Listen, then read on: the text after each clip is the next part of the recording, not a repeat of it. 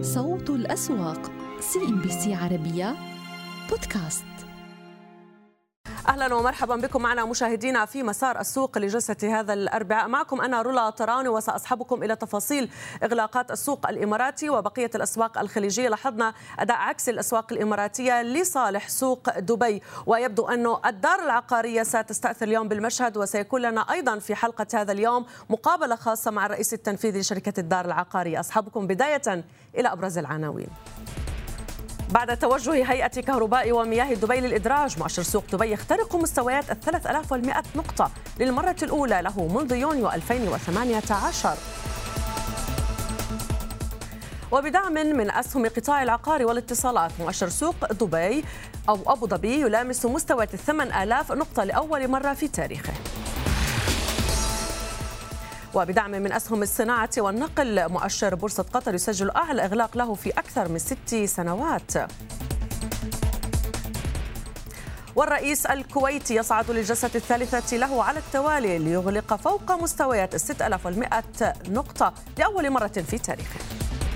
نغلق معكم مشاهدين الأسواق الإماراتية. كما لاحظنا دبي له نصيب من مكاسب تستمر بزخم 3.8% إلى 3100 نقطة أو 110 نقاط وأبو ظبي يتراجع بفارق نسبي عشر النقطة المئوية. كيف استثمرت السوق اليوم تحديدا في دبي؟ لدينا الأخبار المتعلقة بدخول ديوا إلى السوق وأيضا تعيين لجنة خاصة لتطوير أداء السوق وتحفيزه مع جهاز رقابي واضح لدينا. ديار على رأس القائمة 142 مليون سهم. إعمار أغلق على أربع دراهم 71 فلس بنشاط واضح لدينا. حتى الاتحاد العقارية استفاد من هذا الزخم الواضح بالشراء. سهم شركة سوق دبي المالي سجل لدينا مكاسب مع هذا النشاط و GFH البحريني بعد الإعلان عن شراء أسهم الخزينة أيضا يسجل لدينا مكاسب مع هذا النشاط. سوق العاصمة الإماراتية أبو ظبي الدار العقارية بعد الإعلان عن نتائجها المالية وتحقيقها لهذه الربحية. 87 مليون ونصف مليون سهم من التداولات. منازل العقارية كان على نشاط. إشراق الاستثمار دانا غاز وحصولها على استحقاقاتها أو مستحقاتها من إقليم كردستان العراق وبالحكومة المصرية. يصعد السهم للجلسة الثاني له على التوالي وبنك أبو ظبي الأول كان على تراجع. ارتفعت الأرباح الصافية لشركة الدار العقارية الإماراتية في الربع الثالث من هذا العام بنسبة 11% على أساس سنوي وصولا إلى 473 مليون درهم. كذلك ارتفعت أرباح الشركة بالأشهر التسعة الأولى من هذا العام بنسبة 27% على أساس سنوي وصولا إلى مليار ونصف مليار درهم. هذا وارتفعت إيرادات الشركة بالأشهر التسعة الأولى من هذا العام بنسبة 8% على أساس سنوي وصولا إلى ما يزيد عن 6 مليارات و300 مليون درهم. الدار العقارية أغلق اليوم على مكاسب بنقطة وعشرين النقطة المئوية إلى مستويات الأربع دراهم وثلاثين فلس. إذا ونعلق مشاهدينا على آخر التحركات لشركة الدار العقارية واستراتيجيتها القادمة على خلفية نتائجها المالية. ومعنا الرئيس التنفيذي لشركة الدار العقارية السيد طلال الذيابي. أهلا ومرحبا بك معنا على شاشة CNBC عربية. هل لك أن تطلعنا بداية في ضوء هذه النتائج التي أحرزتموها؟ إذا كان هنالك أي من أمر استثنائي في بياناتكم المالية هو الذي دفع بالأرباح أن ترتفع لدينا بهذا الشكل في الربع الثالث والتسع أشهر الأولى. نرى مستثمرين غير مقيمين من خارج الإمارات يستثمرون في دولة الإمارات نظرا للاستقرار الاقتصادي وما يرونه من مكاسب واستقرار في هذا القطاع. نعم. نرى النشاط يرجع في قطاع التجزئه ما كان في أي نوع من المكاسب الون اوف هذا الربع وإنما انتعاش عبر كل القطاعات اللي عندنا. في المدارس في إدارة العقارات البيع بالتجزئه المبيعات. وكان عندنا مرحلة مهمة جدا من ناحية تسليم العقارات والتزموا أكثر من 98% من المستثمرين عندنا تسليم والدفعات حسب الجدول. ما نراه هو استقرار ونمو ونشاط. نعم. قوي قطاع العقارات في ابو ظبي. طيب هل يعني بالضرورة إنه الانتعاش الذي يأتي بعد فترة حذر في الأسواق جراء الجائحة أن تتغير لديكم سياسة التوزيعات بمعنى أن ترفعوا من نسبة التوزيعات؟ نحن عندنا سياسة واضحة في التوزيعات لآخر تسع سنوات من الشركات القليلة اللي في السوق اللي التزمت بسياسة واضحة وكان عندنا توزيعات كل سنة تزيد أو تكون بنفس السنة اللي اللي قبلها. نحن لا نرى أي سبب في تغيير السياسة وبناء على هذه النتائج اللي نشوفها وين نتوقع نكون في نهاية السنة. المستثمرين اللي عندنا بيكون عندهم رؤية واضحة للاستمرارية في هذه التوزيعات. في 2021 بالاهميه اليوم نحن عندنا revenue backlog أيضا ب 5.9 مليار فهم بيكون عندهم رؤية واضحة لنتائج الشركة في 2022 و2023 وما بعده. نعم. طيب خلينا نذكر يعني أنا دخلت في البيانات القوائم المالية من أحد أسباب أيضا ما تم إضافته للأسيتس عندكم في الشركة لا أدري إذا صنفتموه كقيمة دفترية أو ممكن حسب في نطاق الأرباح. كان عندكم صفقة حققتم منها مكسب حدود 99 مليون ونص مليون درهم مقابل لا شيء. هل هي تسوية دين مع أحد الأطراف؟ لا هذه كانت في الربع الأول صفقة الاستحواذ على شركة وتحويل بعض العقود. اللي يتم إدارتها من قبل شركة الدار محفظة ال 40 مليار من المشاريع اللي تديرها شركة الدار. فكان في الربع الأول من من هذا السنة جزء من تحويل المشاريع الرأسمالية اللي تكون تحت إدارة شركة الدار.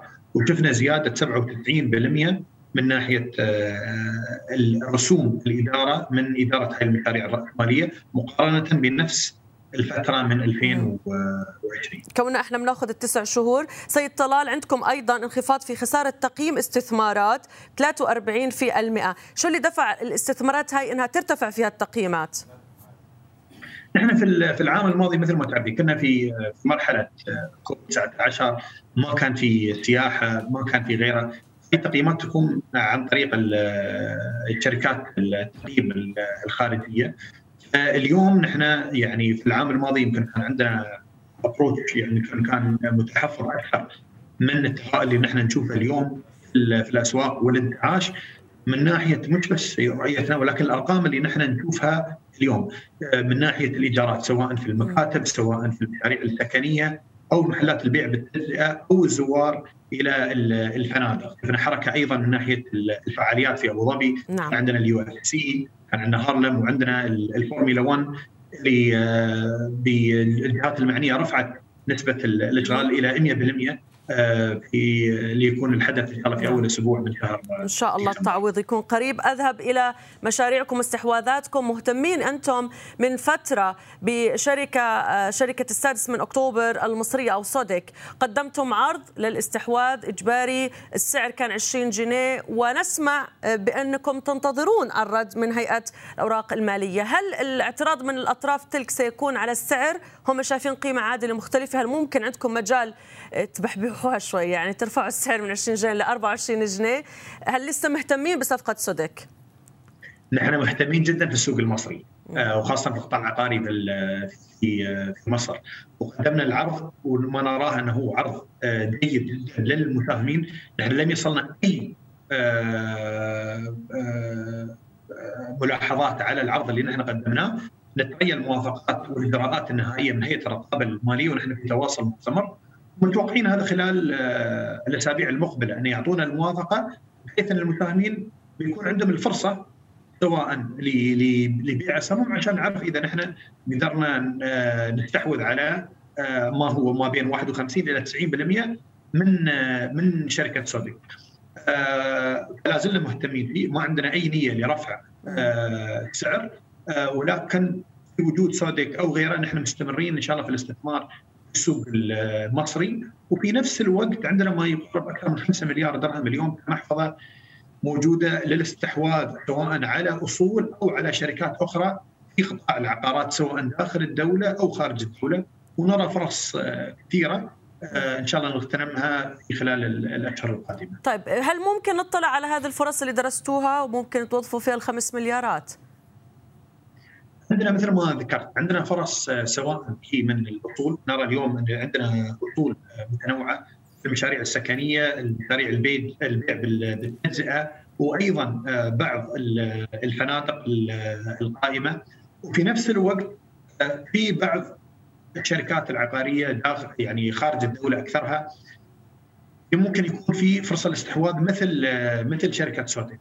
نحن حاليا ندرسها ما عندنا أي شيء نعلنه اليوم إلى ما نوصل إلى مراحل متقدمة وملتزمين بالافصاح للمساهمين مثل ما عودناهم دائما. سو so, أنتم بالنسبة لسودك تنتظروا الرد من هيئة الأوراق المالية مش من سودك حاليا.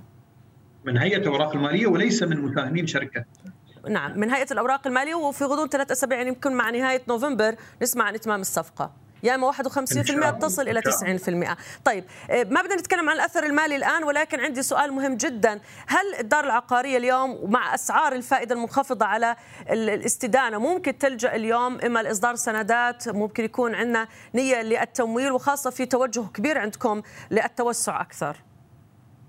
نحن اليوم آه، نسبة المديونية عندنا ما يقارب 8 مليار وعندنا سياسة واضحة من ناحية المديونية آه، سواء في الدار للاستثمار أو الدار للتطوير وملتزمين فيه مثل ما نحن ملتزمين في سياسة التوزيعات.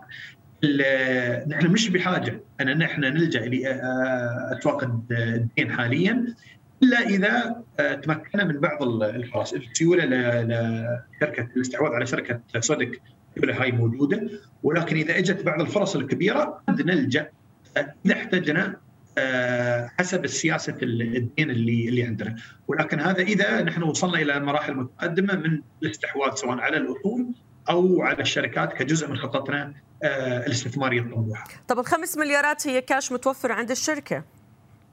free cash متوفر للشركة اليوم وكل يوم هذا الرقم آه، يزداد والمبلغ هذا كله موجود للنمو سواء في دار للتطوير في آه، استحواذ مثل سوديك سواء في دار الاستثمار على الاستحواذ على أصول آه، لتزيد من الدخل المتكرر أو في الشركات التابعة لنا مثل الدار العقارات استحوذنا على شركة استيكو في السابق وأيضا في مجال المدارس أيضا نرى فرص واليوم قدمنا بعض العروض للاستحواذ على بعض المدارس داخل الامارات. طيب بدنا منك قراءة سيد طلال هل ستعتمدوا على سوق المبيعات من الوحدات العقارية بأنه سيشهد انتعاشا من جديد في الأسعار؟ هل تبنون توقعاتكم بأنه حتى نهاية هذا العام ربما هذا سيشكل أيضا دفع للأرباح؟ يعني حاطين كم اكسبكتيشنز أو توقعات بالنسبة لارتفاع أسعار العقارات ممكن يدفع بالأرباح إنها ترتفع أكثر؟ إحنا متفائلين في السوق العقاري واللي يساعدنا في أبو ظبي دائما كنا نقول أن في آه، موازنة أفضل ما بين العرض والطلب. واليوم نشوف انتعاش كبير نشوف طلب كبير آه، في آه، كذا مجال. اولا المناطق الرئيسيه اللي هي آه، ياس جزيرة ياس وجزيرة السعديات. الشيء الثاني في العقارات الفاخرة سواء اللي هي مطلة على البحر مثل ممشى السعديات اللي شهدنا مبيعات كبيرة أو في الفلل. كان نازل عليهم طلب كبير مثل ما شهدنا وبعنا في بعض المشاريع مثل نويا وياس إيكرز والكرم في 2021 ولا زلنا نرى طلب أيضا على المشاريع ذات الدخل آه، المتوسط نعم. مثل مشاريع Water's Edge ومشاريع الغدير. نحن اليوم سياسه الشركة عندنا أكثر من مشروع في السوق في أي أي وقت ونستهدف آه، شريحة كبيرة من المستثمرين داخل الدولة واليوم مع الأنظمة الجديده سواء التنظيم العقاري أو قانون اليوم ال golden visa اليوم شهدنا طلب أكبر من مثل ما ذكرت المستثمرين الغير مقيمين نعم. للشراء استثمارات والاستثمار في السوق العقاري في دولة الإمارات وفي أبو ظبي تحديدا. طب ممكن سيد طلال تخبرنا عن محفظتكم اليوم كيف تتوزع وشو ناويين إنه هاي المحفظة إما تتوسعوا في نطاق أكثر من الثاني، شو اللي يغلب على وزن المحفظة عندكم أكثر؟ اليوم في آه، شركة الدار للاستثمار عندنا آه، ثلاث قطاعات رئيسية اللي هي المشاريع السكنية عندنا ما يقارب 6000 وحدة سكنية نسبة الاشغال فيها 89% عندنا المحفظة اللي هي البيع بالتجزئه واهم المشاريع هي ياس مول. وأيضا نسبة الاشغال فيها اليوم حول 90% والمكاتب اللي هي بحدود ال 88 أو 98 89 عفوا بالمية نسبة الاشغال فيها.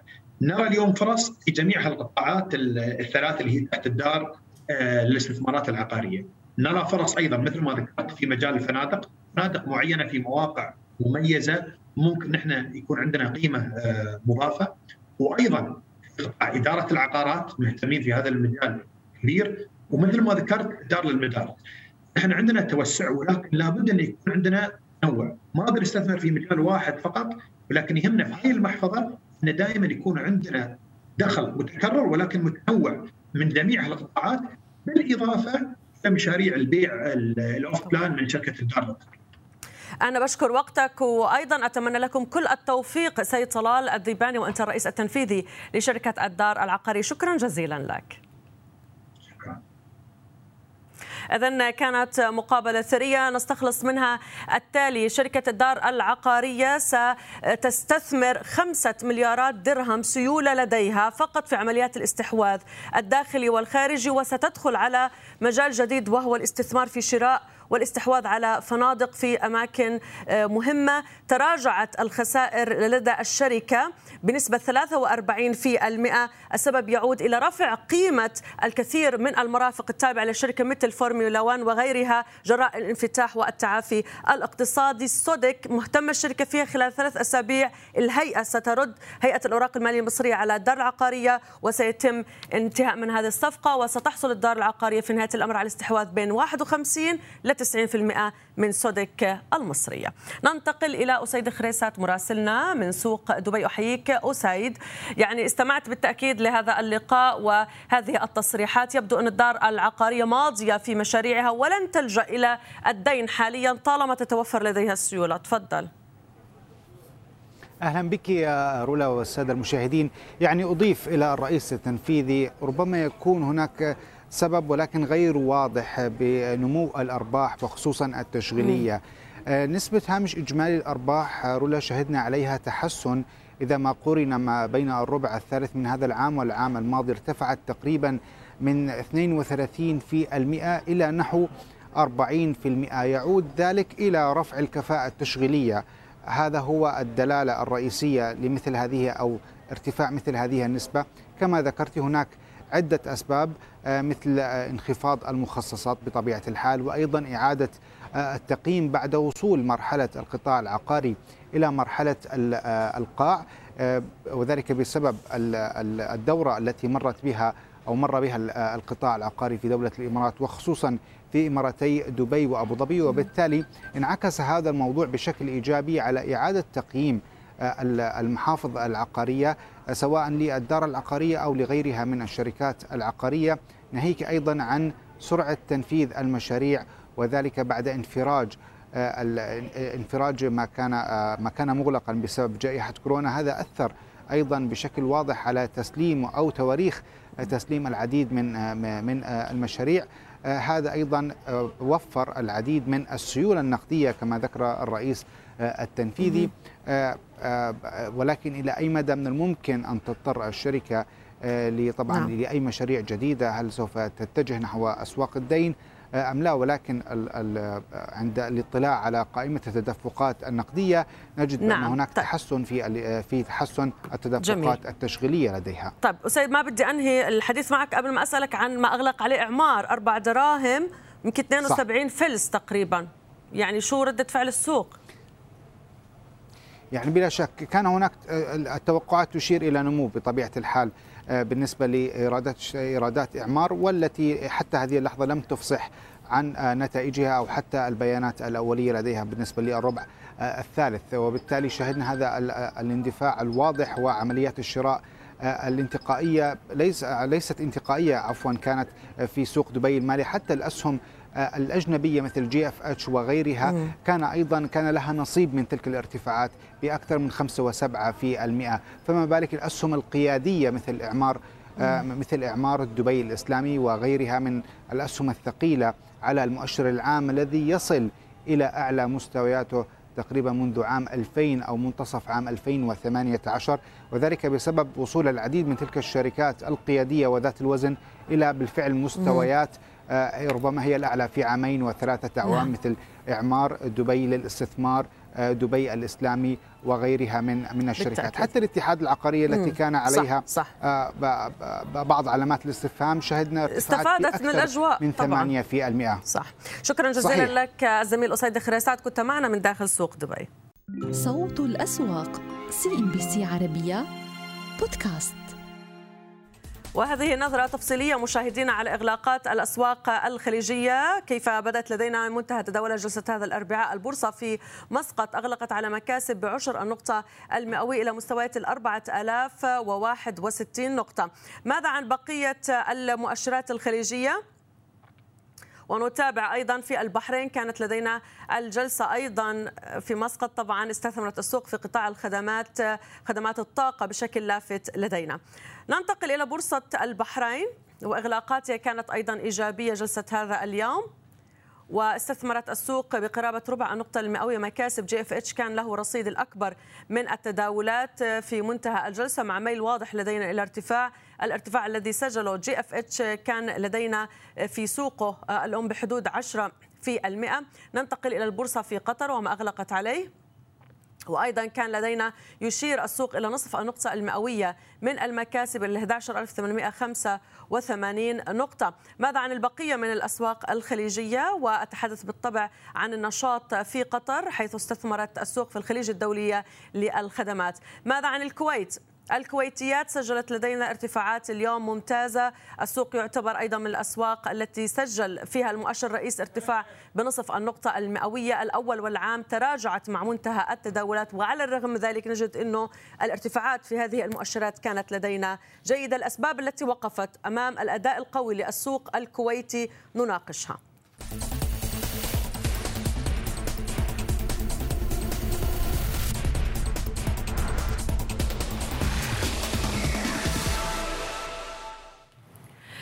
تمر السوق الكويتي في الآونة الأخيرة بمرحلة من تسجيل أرقام قياسية سواء كان على مؤشرين رئيسيين فيها أو حتى كقيمة تداول السيولة اليومية في السوق تتخطى الأربعين مليون دينار يومي ولكن ما شهدته السوق في الآونة الأخيرة هو مبشر وخاصة مع ارتفاع أسعار النفط. النفط الكويتي سجل 84 دولار للبرميل. هذا يعطي زخم لاقتصاد ريعي يعتمد بشكل كبير جدا في موازنته على النفط بما يفوق ال 99 في المئة وبالتالي انعكاس ارتفاع أسعار النفط على المؤشر الكويتي. بالتأكيد كان لافت لدينا ومعامل الارتباط أكيد كان قوي. المؤشر الرئيس ينهي الجلسة على مكاسب ويصعد للجلسة الثالثة له على التوالي. نلحظ هذا الارتفاع لم يكن مفاجئ وإنما جاء تدريجي ولكنه شهد زخم واضح لدينا منذ بداية ارتفاع أسعار النفط العالمية وتحديدا نفط الكويت الذي سجل عند 84 دولار البرميل. نغلق نقطة الإغلاق كانت فوق ال 6100 نقطة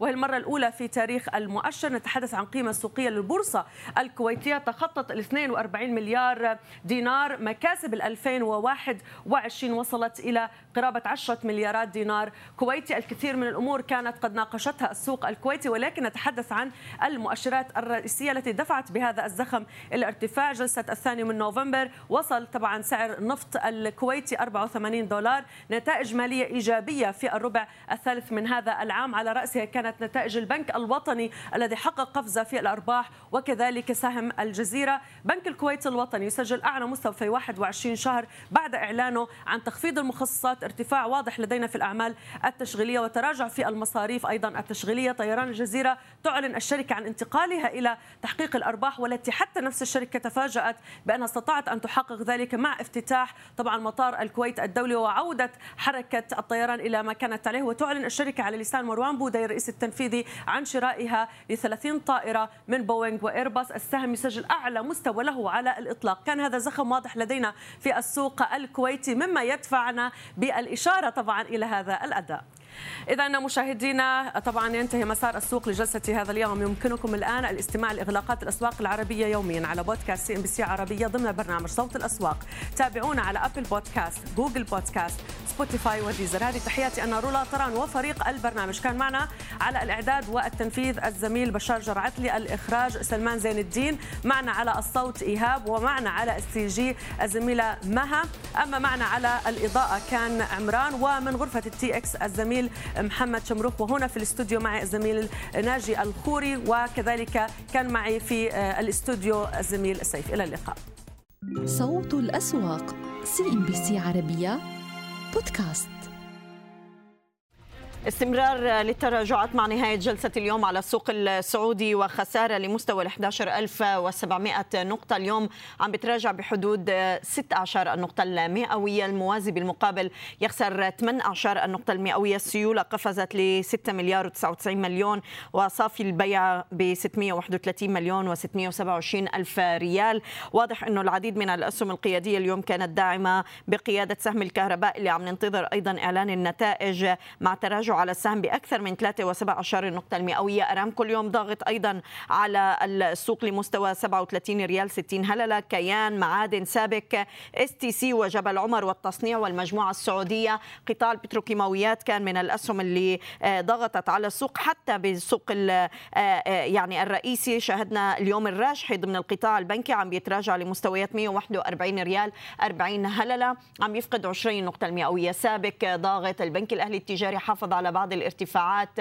جبل عمر عند 30 90 مع هذا التراجع وأرامكو السعودية اذا عن 37 60 هلله التراجعات. أيضا أو المكاسب الأكبر اتجهت اليوم لميد جلف للتأمين هذه التراجعات. كهرباء السعودية عند 28 ريال اللجين والخليج للتدريب أيضا ب 3 و 3 4 النقطة المئوية من الخسائر. وكيان اليوم عم بتراجع. أما المكاسب كانت من نصيب رعاية الطبية أكوا باور عم يقفز ل 79 40 والسعودي الفرنسي إلى جانب سهم شمس عم بيضيف قرابة الثلاثة في المئة. هذه الأكثر نشاطا كيان ما زالت بالصدارة. دار الأركان الإنماء أكوا باور والتصنيع الوطني عم بينشط ب 6 مليون و613 ألف سهم مع نهاية التداولات. نتحدث عن هذه الإغلاقات مع الدكتور سعود المطير الأكاديمي والمستشار والكاتب الاقتصادي. دكتور سعود أهلا بك معنا. يعني اليوم عم نتنازل أيضا عن مستويات ال 11700 نقطة لكن اليوم ارتفعت السيولة بحكم هذا البيع ل 6 مليار و100 مليون تقريبا. كيف عم نفسر اليوم هذا الهبوط اللي ما زال على مدار جلستين من شهر نوفمبر وهل ما زال أمامنا مزيد من التراجع للفترة المقبلة؟ بسم الله والحمد لله والصلاة والسلام على رسول الله مساء الخير لكم وللمشاهدين والمشاهدات. طبعا كما نلاحظ أو كما نعلم تم إعلان يمكن حوالي 97 شركة وصلنا إلى ربحية حوالي 140 مليار إذا استثنينا منها ارامكو 114 يكون عندنا حوالي 36 مليار. يعني الأرباح الربعية لا شك إنها متميزة وأرباح ارامكو فاقت كافة التوقعات. قد يكون طبعا البنوك بمجملها أيضا ارباحها قوية. شركات البتروكيميكال هي اللي تقريبا معظمها يعني خالف التوقعات باستثناء يمكن شركة سبكم والتصنيع وكيان نوعا ما وكيمانول أما البقية وعلى رأسها المجموعة وبتروكيم نتائج مخيبة للأمال كذلك سابك كانت نتائجها أقل من التوقعات بكثير. هذه علقت بظلالها بكل تأكيد ولهذا نلاحظ أن اليوم الانخفاض كان والضغط على شركات البتروكيميكال. صحيح. ال ال لو أخذنا الآن موضوع الربع الرابع يعني ما زال هناك توقعات إيجابية لشركة لبعض شركات ال petrochemical. يعني سابك ستعود للارتفاعات في تحقيق مزيدا من الأرباح. سبكيم أيضا ستحقق أرباح تاريخية. كذلك كيمانول كيان التصنيع. هذه وفقا لمنتجاتها والأسعار الحالية وأسعار العقود لمنتجاتها ستواصل العطاء في الربع الرابع. أسعار البترول ما زالت متماسكة فوق فوق ال 80. الميزانية الربع الثالث أعلنت مع فائض الإيرادات النفطية بلغت حوالي 148 نعم. والإيرادات غير النفطية تقترب من 100 يعني إحنا نتكلم عن 248 أو 245 كإيرادات للربع الرابع. يعني بدأت عملية الضغوط على الميزانية الآن أصبحت أقل بكثير وأصبح الآن ممكن يكون العجز كان متوقع انه في الربع يعني مع بداية الميزانية العام الماضي كان يتوقع إنه يكون العجز 141 ثم مع البيان التمهيدي لميزانية خفض إلى أقل من ذلك بحدود ال 80 تمام. أتصور إن الإيجابية ما زالت تعطي ووضع السوق والنمو المتوقع لعام 2021 إن الاقتصاد السعودي يمكن يحقق معدل نمو 7.5% نعم. مع نمو أقوى للقطاع الخاص. طيب وهو هذا واضح يمكن من مؤشر مديري المشتريات دكتور سعود اللي ظهر اليوم يعني وإن كان عم بينخفض ل 57 7 في شهر يعني أكتوبر لكن واضح إنه ظروف الأعمال بالاقتصاد غير النفطي ما زالت عم تستمر أيضا بالتحسن. هذا صحيح لكن برضه ما زال عندنا قطاع البناء والتشييد ما زال يعاني. تمام. ولهذا نتائج نتائج هذا القطاع بالنسبة لشركات الاسمنت وشركات المرتبطة بالبناء والتشييد هذه نتائجها في الغالب إنها على انخفاض وبعضها انخفاض كبير جدا. آه، بعضها يعني آه، مشكلة يعني أيضا قلة في العمالة يعني في بعض العمالة اللي ذهبت ولم تعد حتى الآن. آه، خاصة البناء والتشييد قائم على العمالة الأجنبية بشكل أساسي.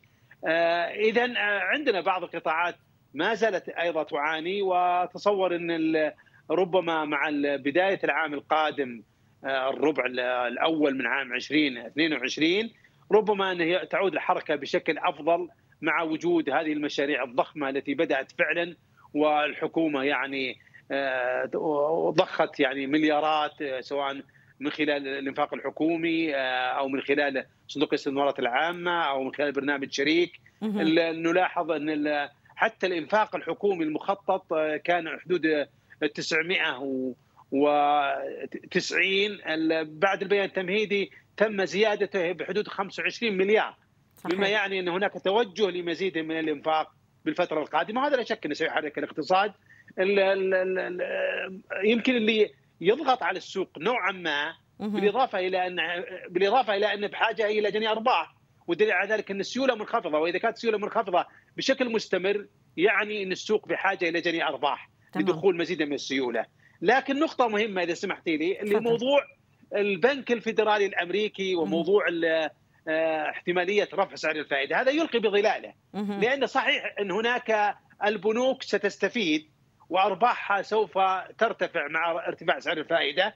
لكن في المقابل المستثمر في آه، سوق الأسهم أو أي سوق أسهم عموما آه، تكون جاذبيته أقل لأن السندات ستزداد جاذبيتها. نعم. ثم أضيف إلى ذلك إن الشركات بكل تأكيد هي مقترضة وبالتالي لا تحبذ ارتفاع سعر الفائدة. فارتفاع سعر الفائدة لا شك إنه يكون تكلفة إضافية عليها وربما يعيق عملية التوسع. يعني هو أسبوع يعني الاجتماع الفدرالي بامتياز سنبقى على مراقبته. دكتور سعود المطير الكاتب والمستشار الاقتصادي. كنت معنا من الرياض. شكرا جزيلا لك على كل هذه التفاصيل. صوت الأسواق CNBC عربية بودكاست. من منتصف جلسة اليوم كنا آه، شاهدنا المؤشرات المصرية التي استطاعت أن تتحول للنطاق الأخضر لكن لم تصمد كثيرا وعادت لتتراجع مع نهاية هذه الجلسة. اختتمها ال 70 بخسارة 3.17 النقطة المئوية وال 100 أيضا خسر بقرابة 3% بينما حافظت القياديات على ارتفاعات هامشية بأقل من عشر النقطة المئوية مع نهاية الجلسة. ليبقى ال EGX 30 عند 11685 نقطة.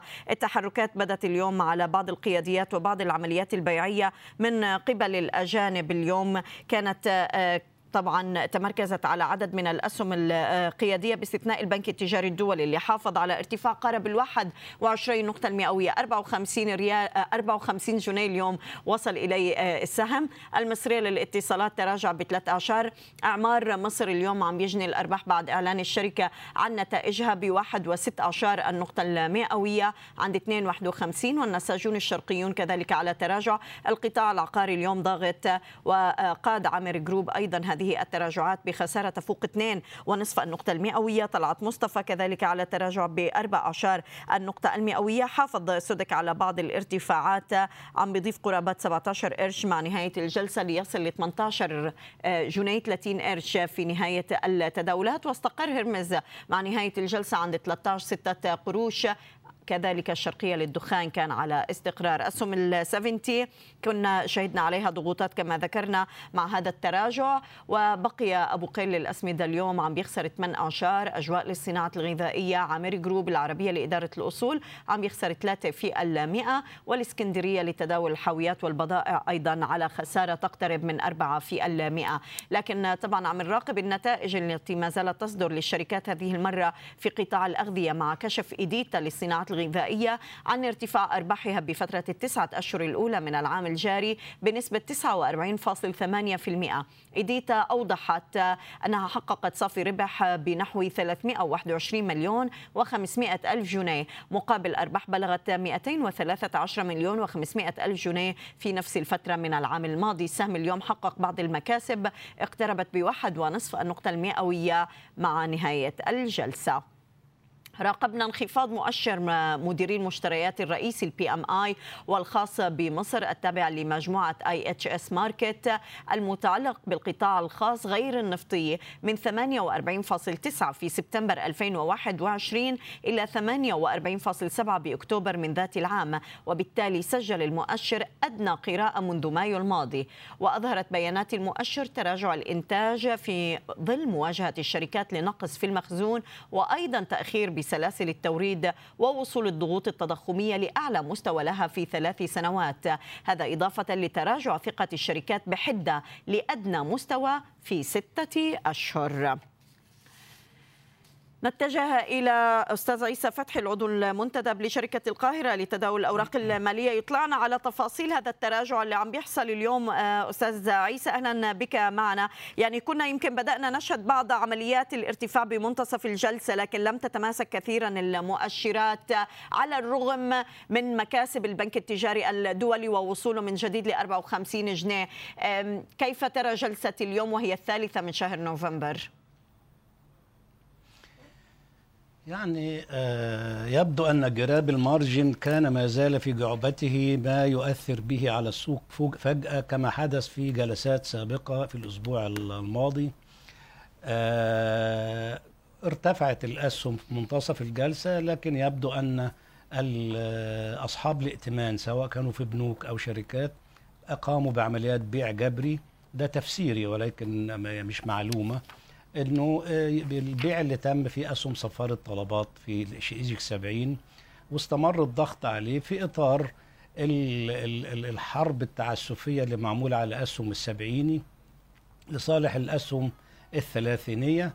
وشفنا يمكن كان السي اي بي النهارده كما قلت قبل ذلك إن في صعود ممنهج بيتم من خلال السي اي بي لتدعيم إيجيكس 30 بغرض تحويل الاستثمارات من الأسهم السبعينية إلى الثلاثينية وكأنه الأسهم السبعين دي مش أسهم آه، مقيدة في البورصة والمراد التخلص منها ومن مستثمريها.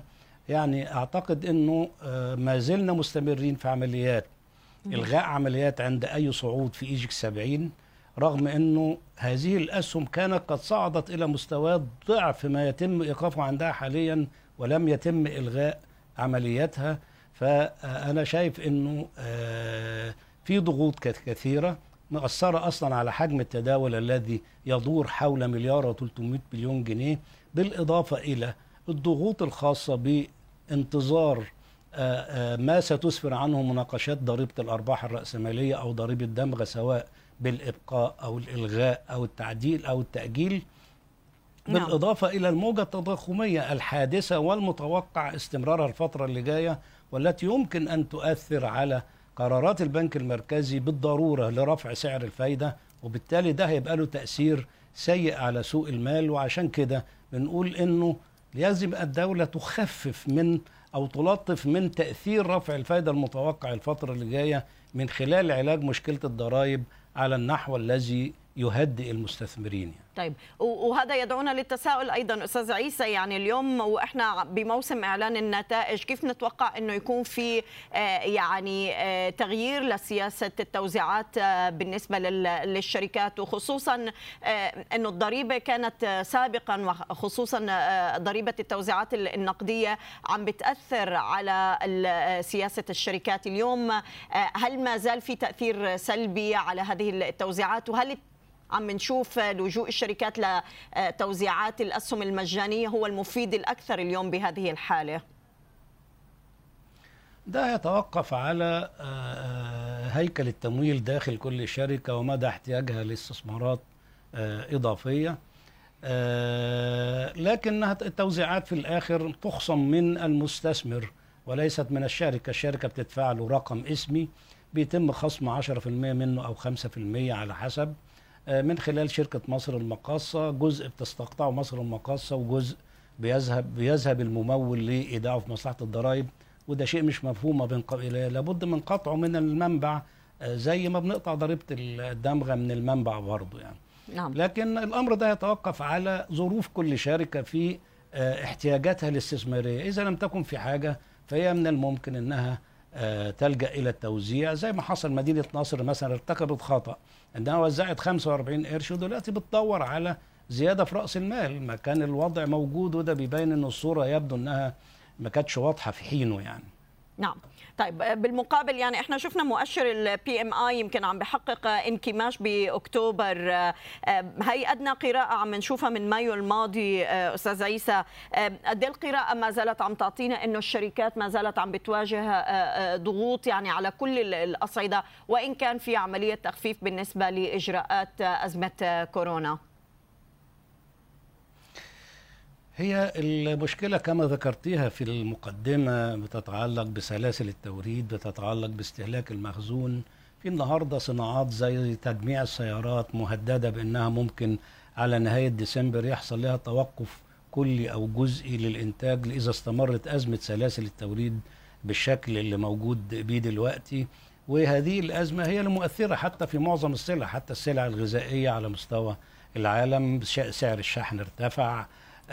وبالتالي حتى كمان العملات بالذات في الدول الناشئة متقلبة ومتغيرة وممكن تتفجر في أي وقت بصورة كبيرة. فبالتالي في ظل الاستيراد لازم الأسعار هترتفع بشكل كبير كما حدث مثلا في عام التعويم سنة 2016 آه وبالتالي هنا ال ال القطاع الخاص آه بيعاني معاناة آه كبيرة. آه يعني ورغم هذا بنجد إنه معدل النمو في مصر بيتجاوز ال 4% ليس بسبب أنشطة القطاع الخاص ولكن بسبب الأنشطة والاستثمارات الحكومية وده بيؤكد إنه القطاع الخاص يحتاج إلى آه فتح المجالات أمامه بدلا من الوضع الحالي اللي هو بيتقلص فيه وبالتالي وصلنا إلى هذه النسبة ولو استمر الوضع على ما هو عليه أعتقد إن النسبة قابلة للانخفاض مرة ثانية نعم ونشكرك أستاذ عيسى فتحي العضو المنتدب لشركة القاهرة لتداول الأوراق المالية.